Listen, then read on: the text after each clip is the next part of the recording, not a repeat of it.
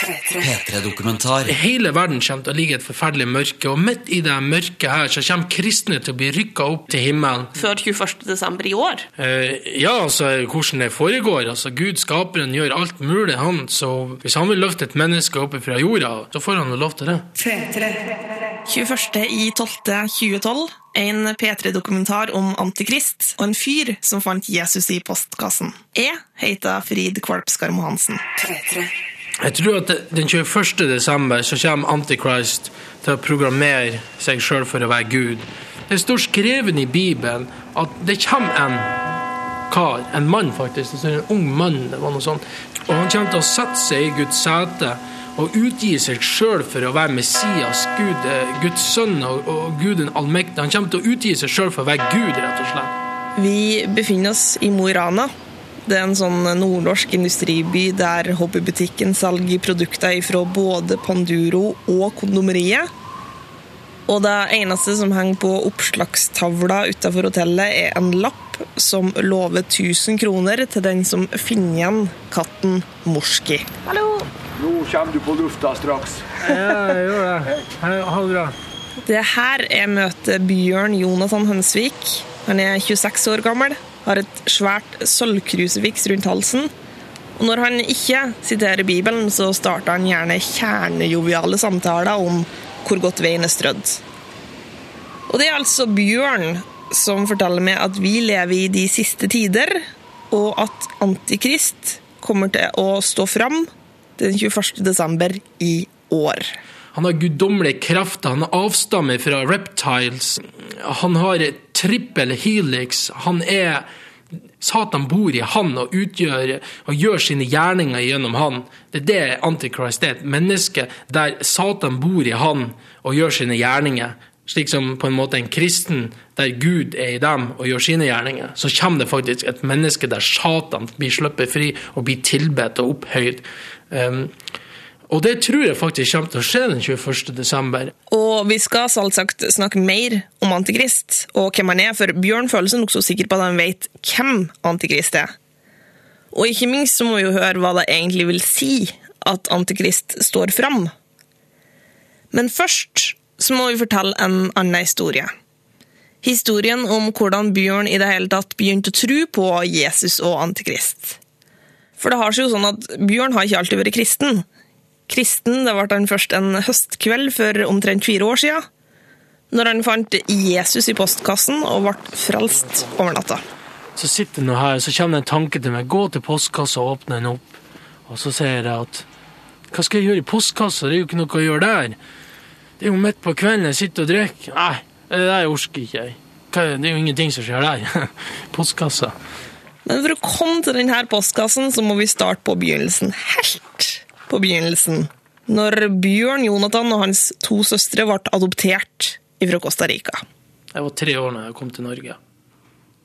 Jeg har jo arr ennå på kroppen min etter å ha vært i Costa Rica, som jeg lurer nå veldig på hvor de kommer ifra.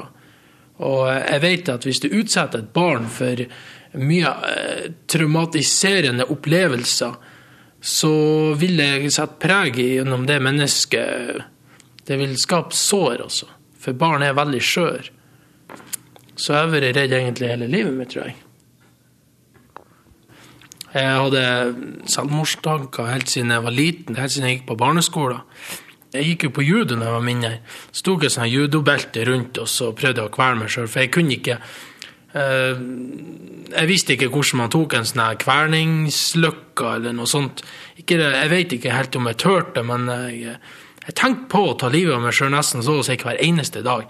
Det var liksom Nå går jeg på skolen, og så stikker jeg hjem, og så prøver jeg å ta livet av meg sjøl. Sånn gikk det hele tida. Det er egentlig ganske brutalt at et barn sitter og tenker på å ta sitt liv. Altså, Da er det ganske gærent. Jeg sier jo ikke det at det er de, de rundt meg som var årsaken. Altså, at det er deres skyld, de rundt meg. Jeg fikk mye hjelp, men uh, det hjalp ikke. Så jeg, eh, det hjalp ikke. Seinere så det, gikk det jo på sjølskading og ja, skjært meg her og der. og ja. Sånn som Jeg husker, altså jeg tok jo ikke en sånn liten kniv og drev og skjærte en time, sånn som kanskje mange gjør. Jeg tok en stor kjøkkenkniv, en brødkniv, og drev og skjærte med meg. Først så brente jeg den. Eh, og så skjærte jeg meg sjøl med den. Eh, så jeg fikk jo ganske heavy arr da.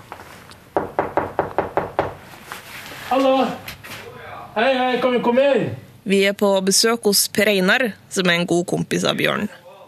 Per Einar har hatt en del problemer med stoff og bor nå i ei leilighet i et bofellesskap. I gangen i bofellesskapet så er det sånne glatte vegger og identiske dører. Noe som minner Bjørn om hvordan det var å sitte i fengsel. Eh, Det var da jeg var 1920. Ja, 20 år til jeg var. Da var jeg i fengsel. Hvor lenge var det? Tre måneder. Etter min, eh, mitt ønske. Altså at det var en dom, men liksom du kan jobbe så, som på samfunnstjeneste, eller så kan du dra i fengsel. Så sier jeg jeg har lyst til å dra i fengsel. Det var grusomt kjedelig. Det vil jeg ikke oppleve igjen. Angra du det? Ja. Hvor lenge hadde du vært der før du begynte å angre deg? Første dagen før jeg kom inn i fengsel, for da jeg så hvor, hvor forferdelig kjedelig det så ut. En luftegård og ikke noen koselige mennesker. Og ja, må du bare legge tingene her på sida, og så må vi undersøke om det, du har mer enn noe. Så ser jeg en kar, eh, og så sier han eh, Han der karen der, han skal i min celle. Han skal være min romkamerat, sier han. Og så sier jeg ja, greit, det. Så går han inn på cella, og så har vi det ganske artig, men utrolig kjedelig òg. For han var jo helt vill. Han, han satt der vet du, fra morgen til kveld og hoppa fram på stolen og sprang rundt og var helt vill. Han har, pakka i, han har spart medisinen sin og liksom, nå skal jeg kveldskos, og så pakka han i kjeften og kunne ikke stoppe å prate. Så der satt han vet du, og bråka på kvelden og prata og Ja, kom igjen, skal vi dra til Bulgaria når vi er ferdig her, og vi skal gjøre det, og jeg skal hjelpe deg å få masse dop, og, og kom igjen, liksom, og skal vi dra og slå litt i veggene og rope og skrike og, og se om vaktene kommer, og ja, det ble litt mye. Jeg bare Du, jeg har veldig lyst til å slappe av nå. Eh, Kan ikke du være så snill, eh, bare eh, respektere det? Det var sånn en veldig fin tone, så ikke han klikka over det helt til han hadde det i cella. For jeg kunne jo ikke dra bort derifra, vet du. Nå så har jo imidlertid Bjørn funnet seg venner som er mer opptatt av Jesus enn Bulgaria. Sånn som eksempel Per Einar. Det, Jesus var radikal, ja, til de grader der. så det er viktig å være radikal. Vi diskuterte litt i går faktisk om verdens ende og det her, og det Jeg tror helt på det. Det, det gjør jeg. Jeg tror Jesus kommer snart igjen. Amen.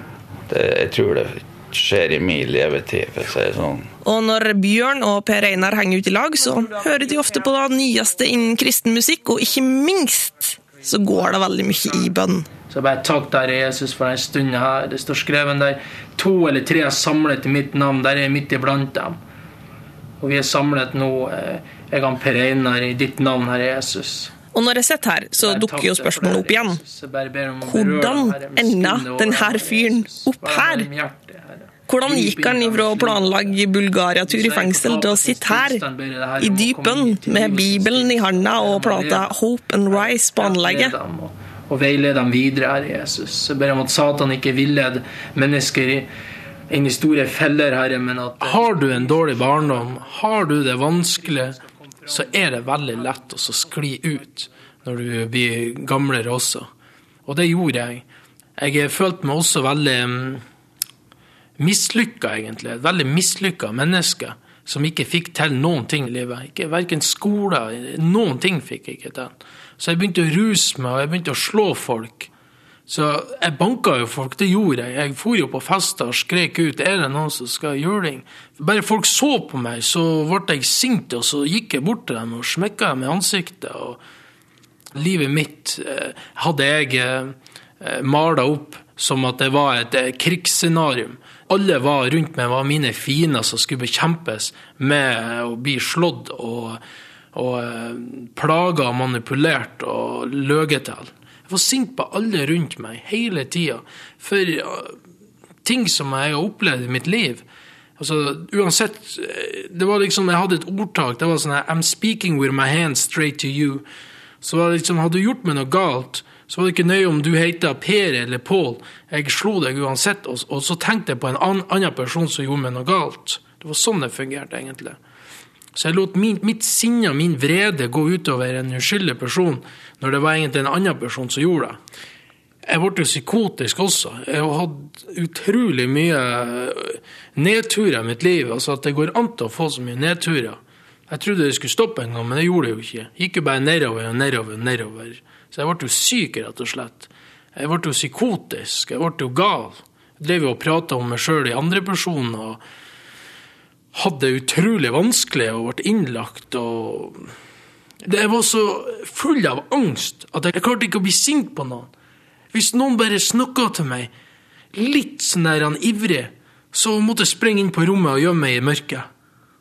Jeg turte ikke å spise middag sammen med familien min. Jeg kunne ikke gå ned og åpne opp pakker på julaften, for jeg var så full av angst og redsel. Og det er her, når Bjørn Jonathan ikke tør å spise middag i lag med familien sin, at vi begynner å nærme oss Jesus i postkassen. Hallo. Det er en kald, klar ettermiddag i november. Bjørn han har kommet for å hente meg, så vi kan stikke og se på denne beryktede postkassen. Vi står og henger litt utafor bilen. Bjørn røyker rullings, noe han har et veldig anstrengt forhold til. Det står skrevet at, eh, at eh, vi er Guds tempel, at vår kropp er kjøpt og betalt for en dyr pris. Jesus sitt eh, kropp og legeme og blod. Når du røyker, så sier du på en måte nei takk til Jesus sin inngripen i ditt liv, hans vernende hånd over ditt liv. Og da står du igjen eh, sårbar for Satans angrep. Så du det? Så kan han så på meg. De blir veldig sånn her sjokka. Jeg sjøl blir jo litt sånn Jeg kjenner jo at jeg får litt nerver. Jeg er menneske. Så jeg kjenner jeg blir litt nervøs og sånt av og til når jeg snakker om Jesus til andre mennesker. Spesielt hvis det er folk jeg kjenner og sånt, for de vet hvordan jeg var før. Og så plutselig har vi blitt en elskende Jesusvenn, liksom. Er det da at du er litt redd for at de tenker at du er en tulling? Før så var du liksom masse bråk med det, og nå har du plutselig funnet Jesus? Hvis jeg står i butikk, og det har jeg gjort da, og ropt Jesus, jeg har snakka om Jesus, og bare skrek 'Kjære Jesus, halleluja', jeg skrek i butikk. Du skal se hvordan folk ser på meg da. Det er ingen som ser på meg. Alle snur seg og ser rett i bakken. Eh, for de syns det er flaut. De syns det er rett og slett utrolig pinlig. Men la oss stikke til Frelsens hybel, som jeg vil begynne å kalle det. Ja, vi kan gjøre det.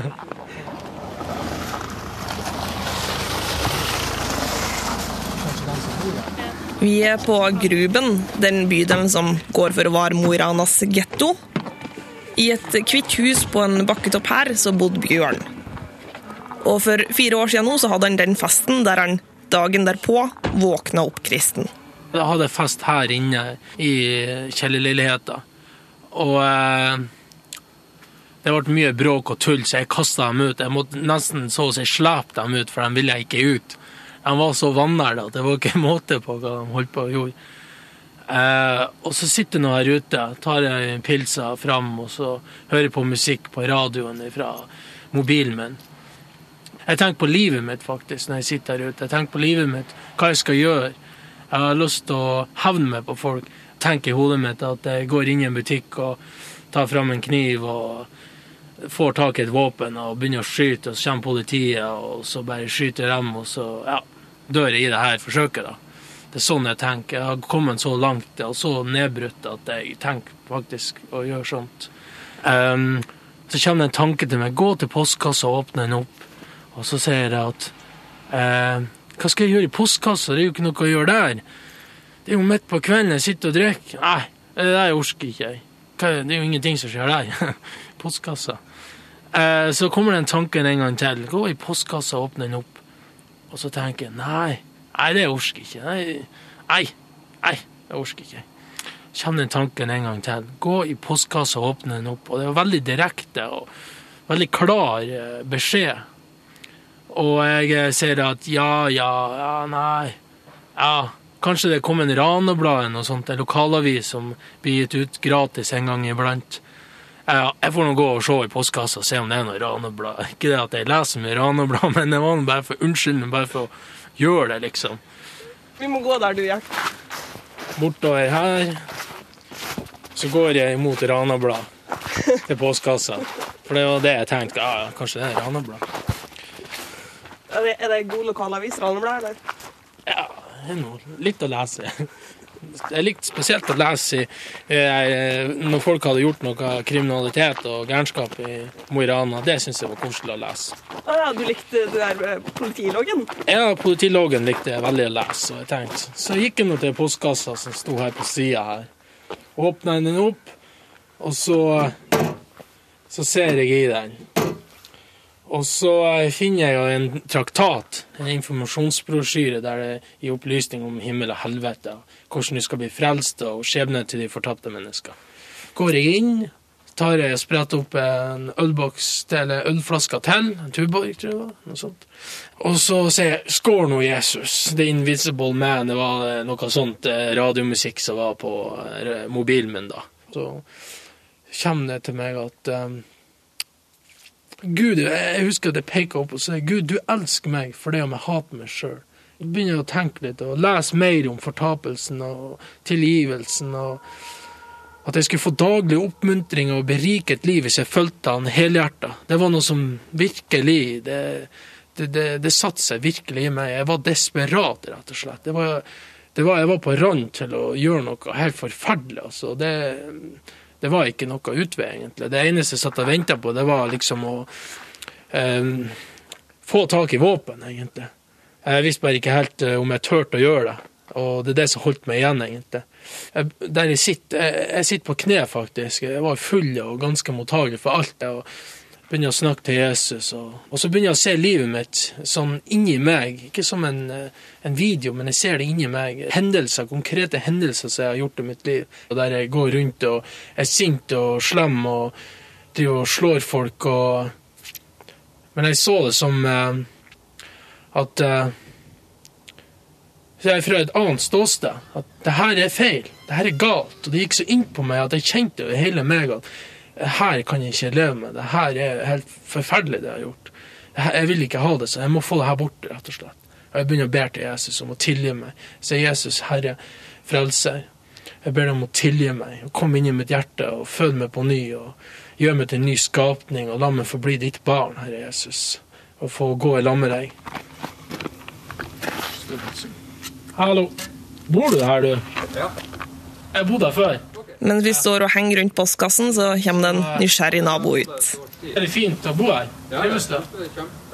Litt vanskelig kanskje av og til å komme seg opp bakkene? Ja, det går greit. De er så flinke å strø her. Å ja. ja men det, er, det er bra. Ja. Hva som skjedde med hun dama som bodde her, da? Hun er død nå. Hun er gamlehjem. Ja, Det er jo forferdelig. Kjente jo. Ja, jeg kjente og kjente. Jeg gikk nå rundt her, og det kom noen barn, og jeg bedde noe for dem og snakka om Jesus. og De ble nå stirra ut vinduene og kom ut. og Så de, eh, de visste at noe rart hadde skjedd over natta. I hvert fall han, karen som bodde oppe der. Har du sett lyset, sa han til meg. Har du sett lyset? Eh, ja, jeg har sett lyset.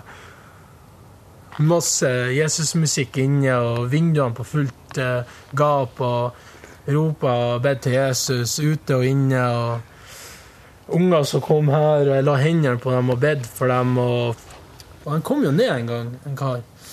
Og han setter seg ned og han ser på meg, og så sier han Er det ikke folk her? Så sier han nei. Ja, det var noe rart. Så ser han litt sånn rundt seg. Er du sikker på det? Så sier jeg ja. Ja. For jeg hører hele tida folk som driver og prater der nede. Folk som roper og prater. Er det du som driver og prater sjøl? Er det TV? Eh, og så sier jeg nei, det kan hende du har hørt meg bedt og sånn der. Ja, OK, ja. Og merkelig det. Så det er ikke folk her, liksom. Han fikk det ikke inn i hodet sitt, for han, var, han påstod at det var folk her. For det vil si nei, det er bare jeg. Vi har kommet ned til byen igjen og sett og prate, når Bjørn plutselig kniper øynene igjen og presser hodet bakover. Før jeg rekker å spørre hva det er som skjer, så gir han meg ei forklaring. Jeg kjenner hele hånda over meg, vet du. Akkurat nå, her og nå jeg sitter, kjenner hele hånda over meg. Og det er fantastisk, for eh, det er så berikende. Men det her var bare en svak en. Altså, jeg skal jo ikke være frekk med Gud og sånt, men det her var bare en liten svake, men det var veldig oppmuntrende for meg, for det er en stund siden jeg kjente en sånn en. Og mens Bjørn Jonathan har Den hellige ånd over seg, så tenker jeg at tiden er kommet for et spørsmål som jeg er litt redd for at Bjørn vil synes er frekt. Noen ganger så tenker jeg at det kanskje er litt sånn der klisjémessig at noen som har vært utrolig langt nede, og kanskje særlig som har hatt problemer med alkohol og rus, på en måte finner Jesus. Hva tenker du om det?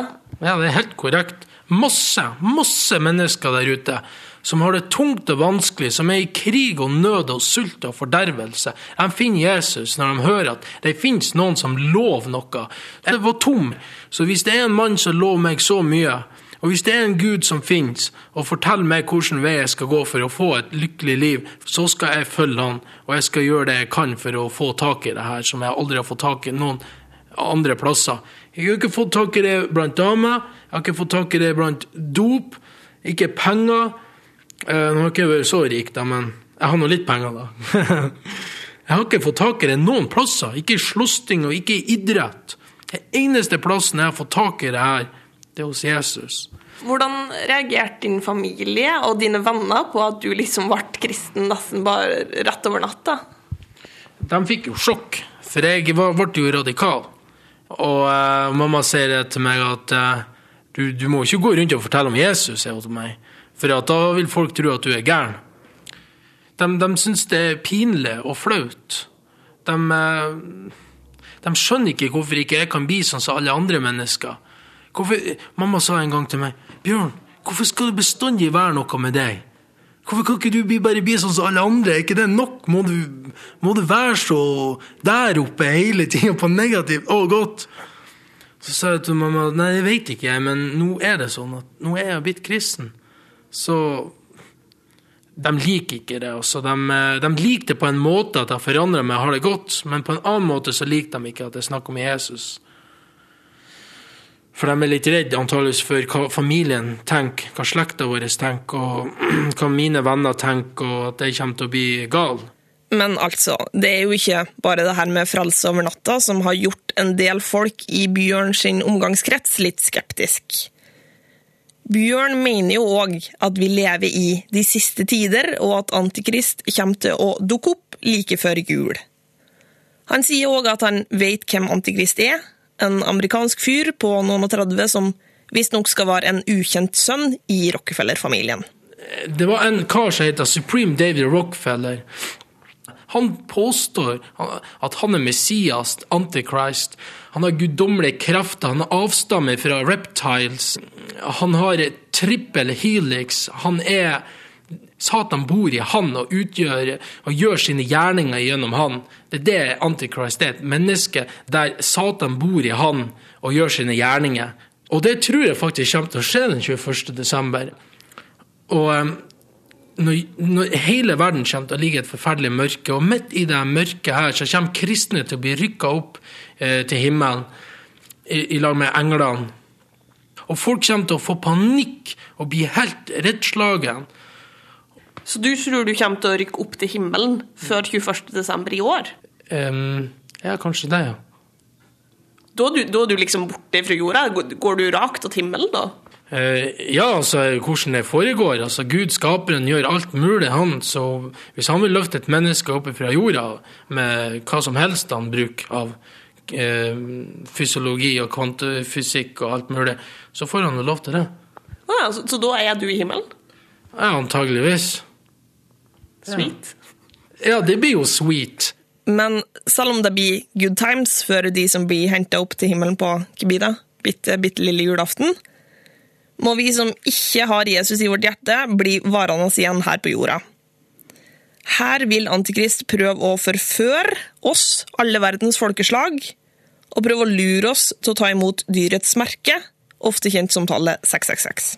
Og dere kommer til å si sånn å oh, ja, wow, så tøft! Se på den mannen der! Og han kommer til å, å, å love dere gull og grønne skoger hvis dere følger han og, og gjør det han sier. Gå med meg, for jeg har løsninger. Har du et problem, kom til meg på min klinikk, så skal vi fikse det problemet. Om det er utroskap, om det er depresjon, om det er økonomiske problemer, uansett kommer til å stå fram på TV-en og si det, så kommer du til meg på min klinikk. som jeg har lagt utover hele verden. Det som kommer til å skje på de klinikkene, det er at du kommer til å få innført en, en, en chip i handa di, der du blir lovd at du kommer til å bli mye mer intelligent, du kommer til å bli mye sterkere, mye friskere enn du noen gang har vært, og du kommer til å leve mye lengre. Og hvem vil vel takke nei til et slikt tilbud? Så når man tar imot det merket, så blir det sånn at man blir demonbesatt totalt. De menneskene som tar imot den chipen, de kommer til å gå fortapt. Om det er i helvete eller ildsjøen eller whatever, så går du fortapt tar du imot den chipen. Så det må du aldri i livet gjøre. Men eh, du ser inn her, den her datoen, eh, 21. i 12. 2012. Det er jo liksom siste datoen i Mayans langtelling. Hvordan får du deg inn i en kristen tankegang? Det er små brøkdeler av Guds sannhet i utrolig mye forskjellige syke ting der ute, i forskjellige kulturer og tradisjoner. Som maya- mayafolket, de har også fått en del av Guds sannhet, men de har bare ikke forstått det, og de har blitt lura, slik som Adam og Eva i E- Edens hage. Men jeg lurer på, er det, liksom, er det mange av de som tilhører din husmenighet, som tror på det samme som du tror på? Ehm, nei, det er ikke mange som tror på akkurat det samme som meg. Men uh, har brøk, de har brøkdeler av det jeg tror på, ja. Men kanskje ikke så radikalt og så ekstremt sa jeg. Jeg prater mye om helvete, og jeg prater mye om synd. Det er faktisk ganske sånn dempa ned synd, helvete, demoner, i statskirka og rundt omkring. Så menigheter, ja, de er litt sånn du demper litt. Grann. Eh, Litt sånn der, da. Sånn hysj-hysj, liksom. Det blir litt for grov kost, på en måte. Og de begynner å se litt i veggen og litt sånn her rundt seg. Og når jeg ber dem om å ta opp Bibelen. Jesus sjøl, han, han la ikke skjul på noen ting. Han la ikke skjul på helvete, han la ikke skjul på synd, han la ikke skjul på noen ting. Han tok med seg alle delene. Det vil jeg heller ikke gjøre. Jeg vil ikke legge skjul på noe. Men hva, hva det her ikke skjer, da som du føler deg nå ganske sikker på at blir å skje? Hvordan tolker du det? Jeg tolker det som at det kommer til å skje uansett. Jeg. Men, men hva som ikke skjer? Om det ikke skjer nå, så skal jo ikke du eh, eh, feire det. For det skjer mye mer etterpå. Det kan jo hende at han kommer i 2013, og så får du noe lykke til da. Ikke sant? Men, men begynner du ikke å tvile på da du tror Dersom det liksom 21. desember kommer og går, hva 2013 og kommer og går uten at det skjer noe, begynner du å tvile på det du tror, nå når du er så, ting du er sikker på rundt de siste tider? Det kommer til å skje snart. Ferdig med det. Dere får ha lykke til. Og så sier jeg bare det at eh, Jesus han elsker dere alle sammen og ønsker at alle skal bli kjent med han og få frelse. Det kommer til å skje. Om det ikke skjer den 21. desember, så skjer det noe. Og så får eh, de som ikke trodde på budskapet, antageligvis eh, blir lei seg ganske, ganske lenge. Du tviler rett og slett ikke? Nei, jeg tviler ikke på det skjer, for det, det står i Bibelen at ting kommer til å skje.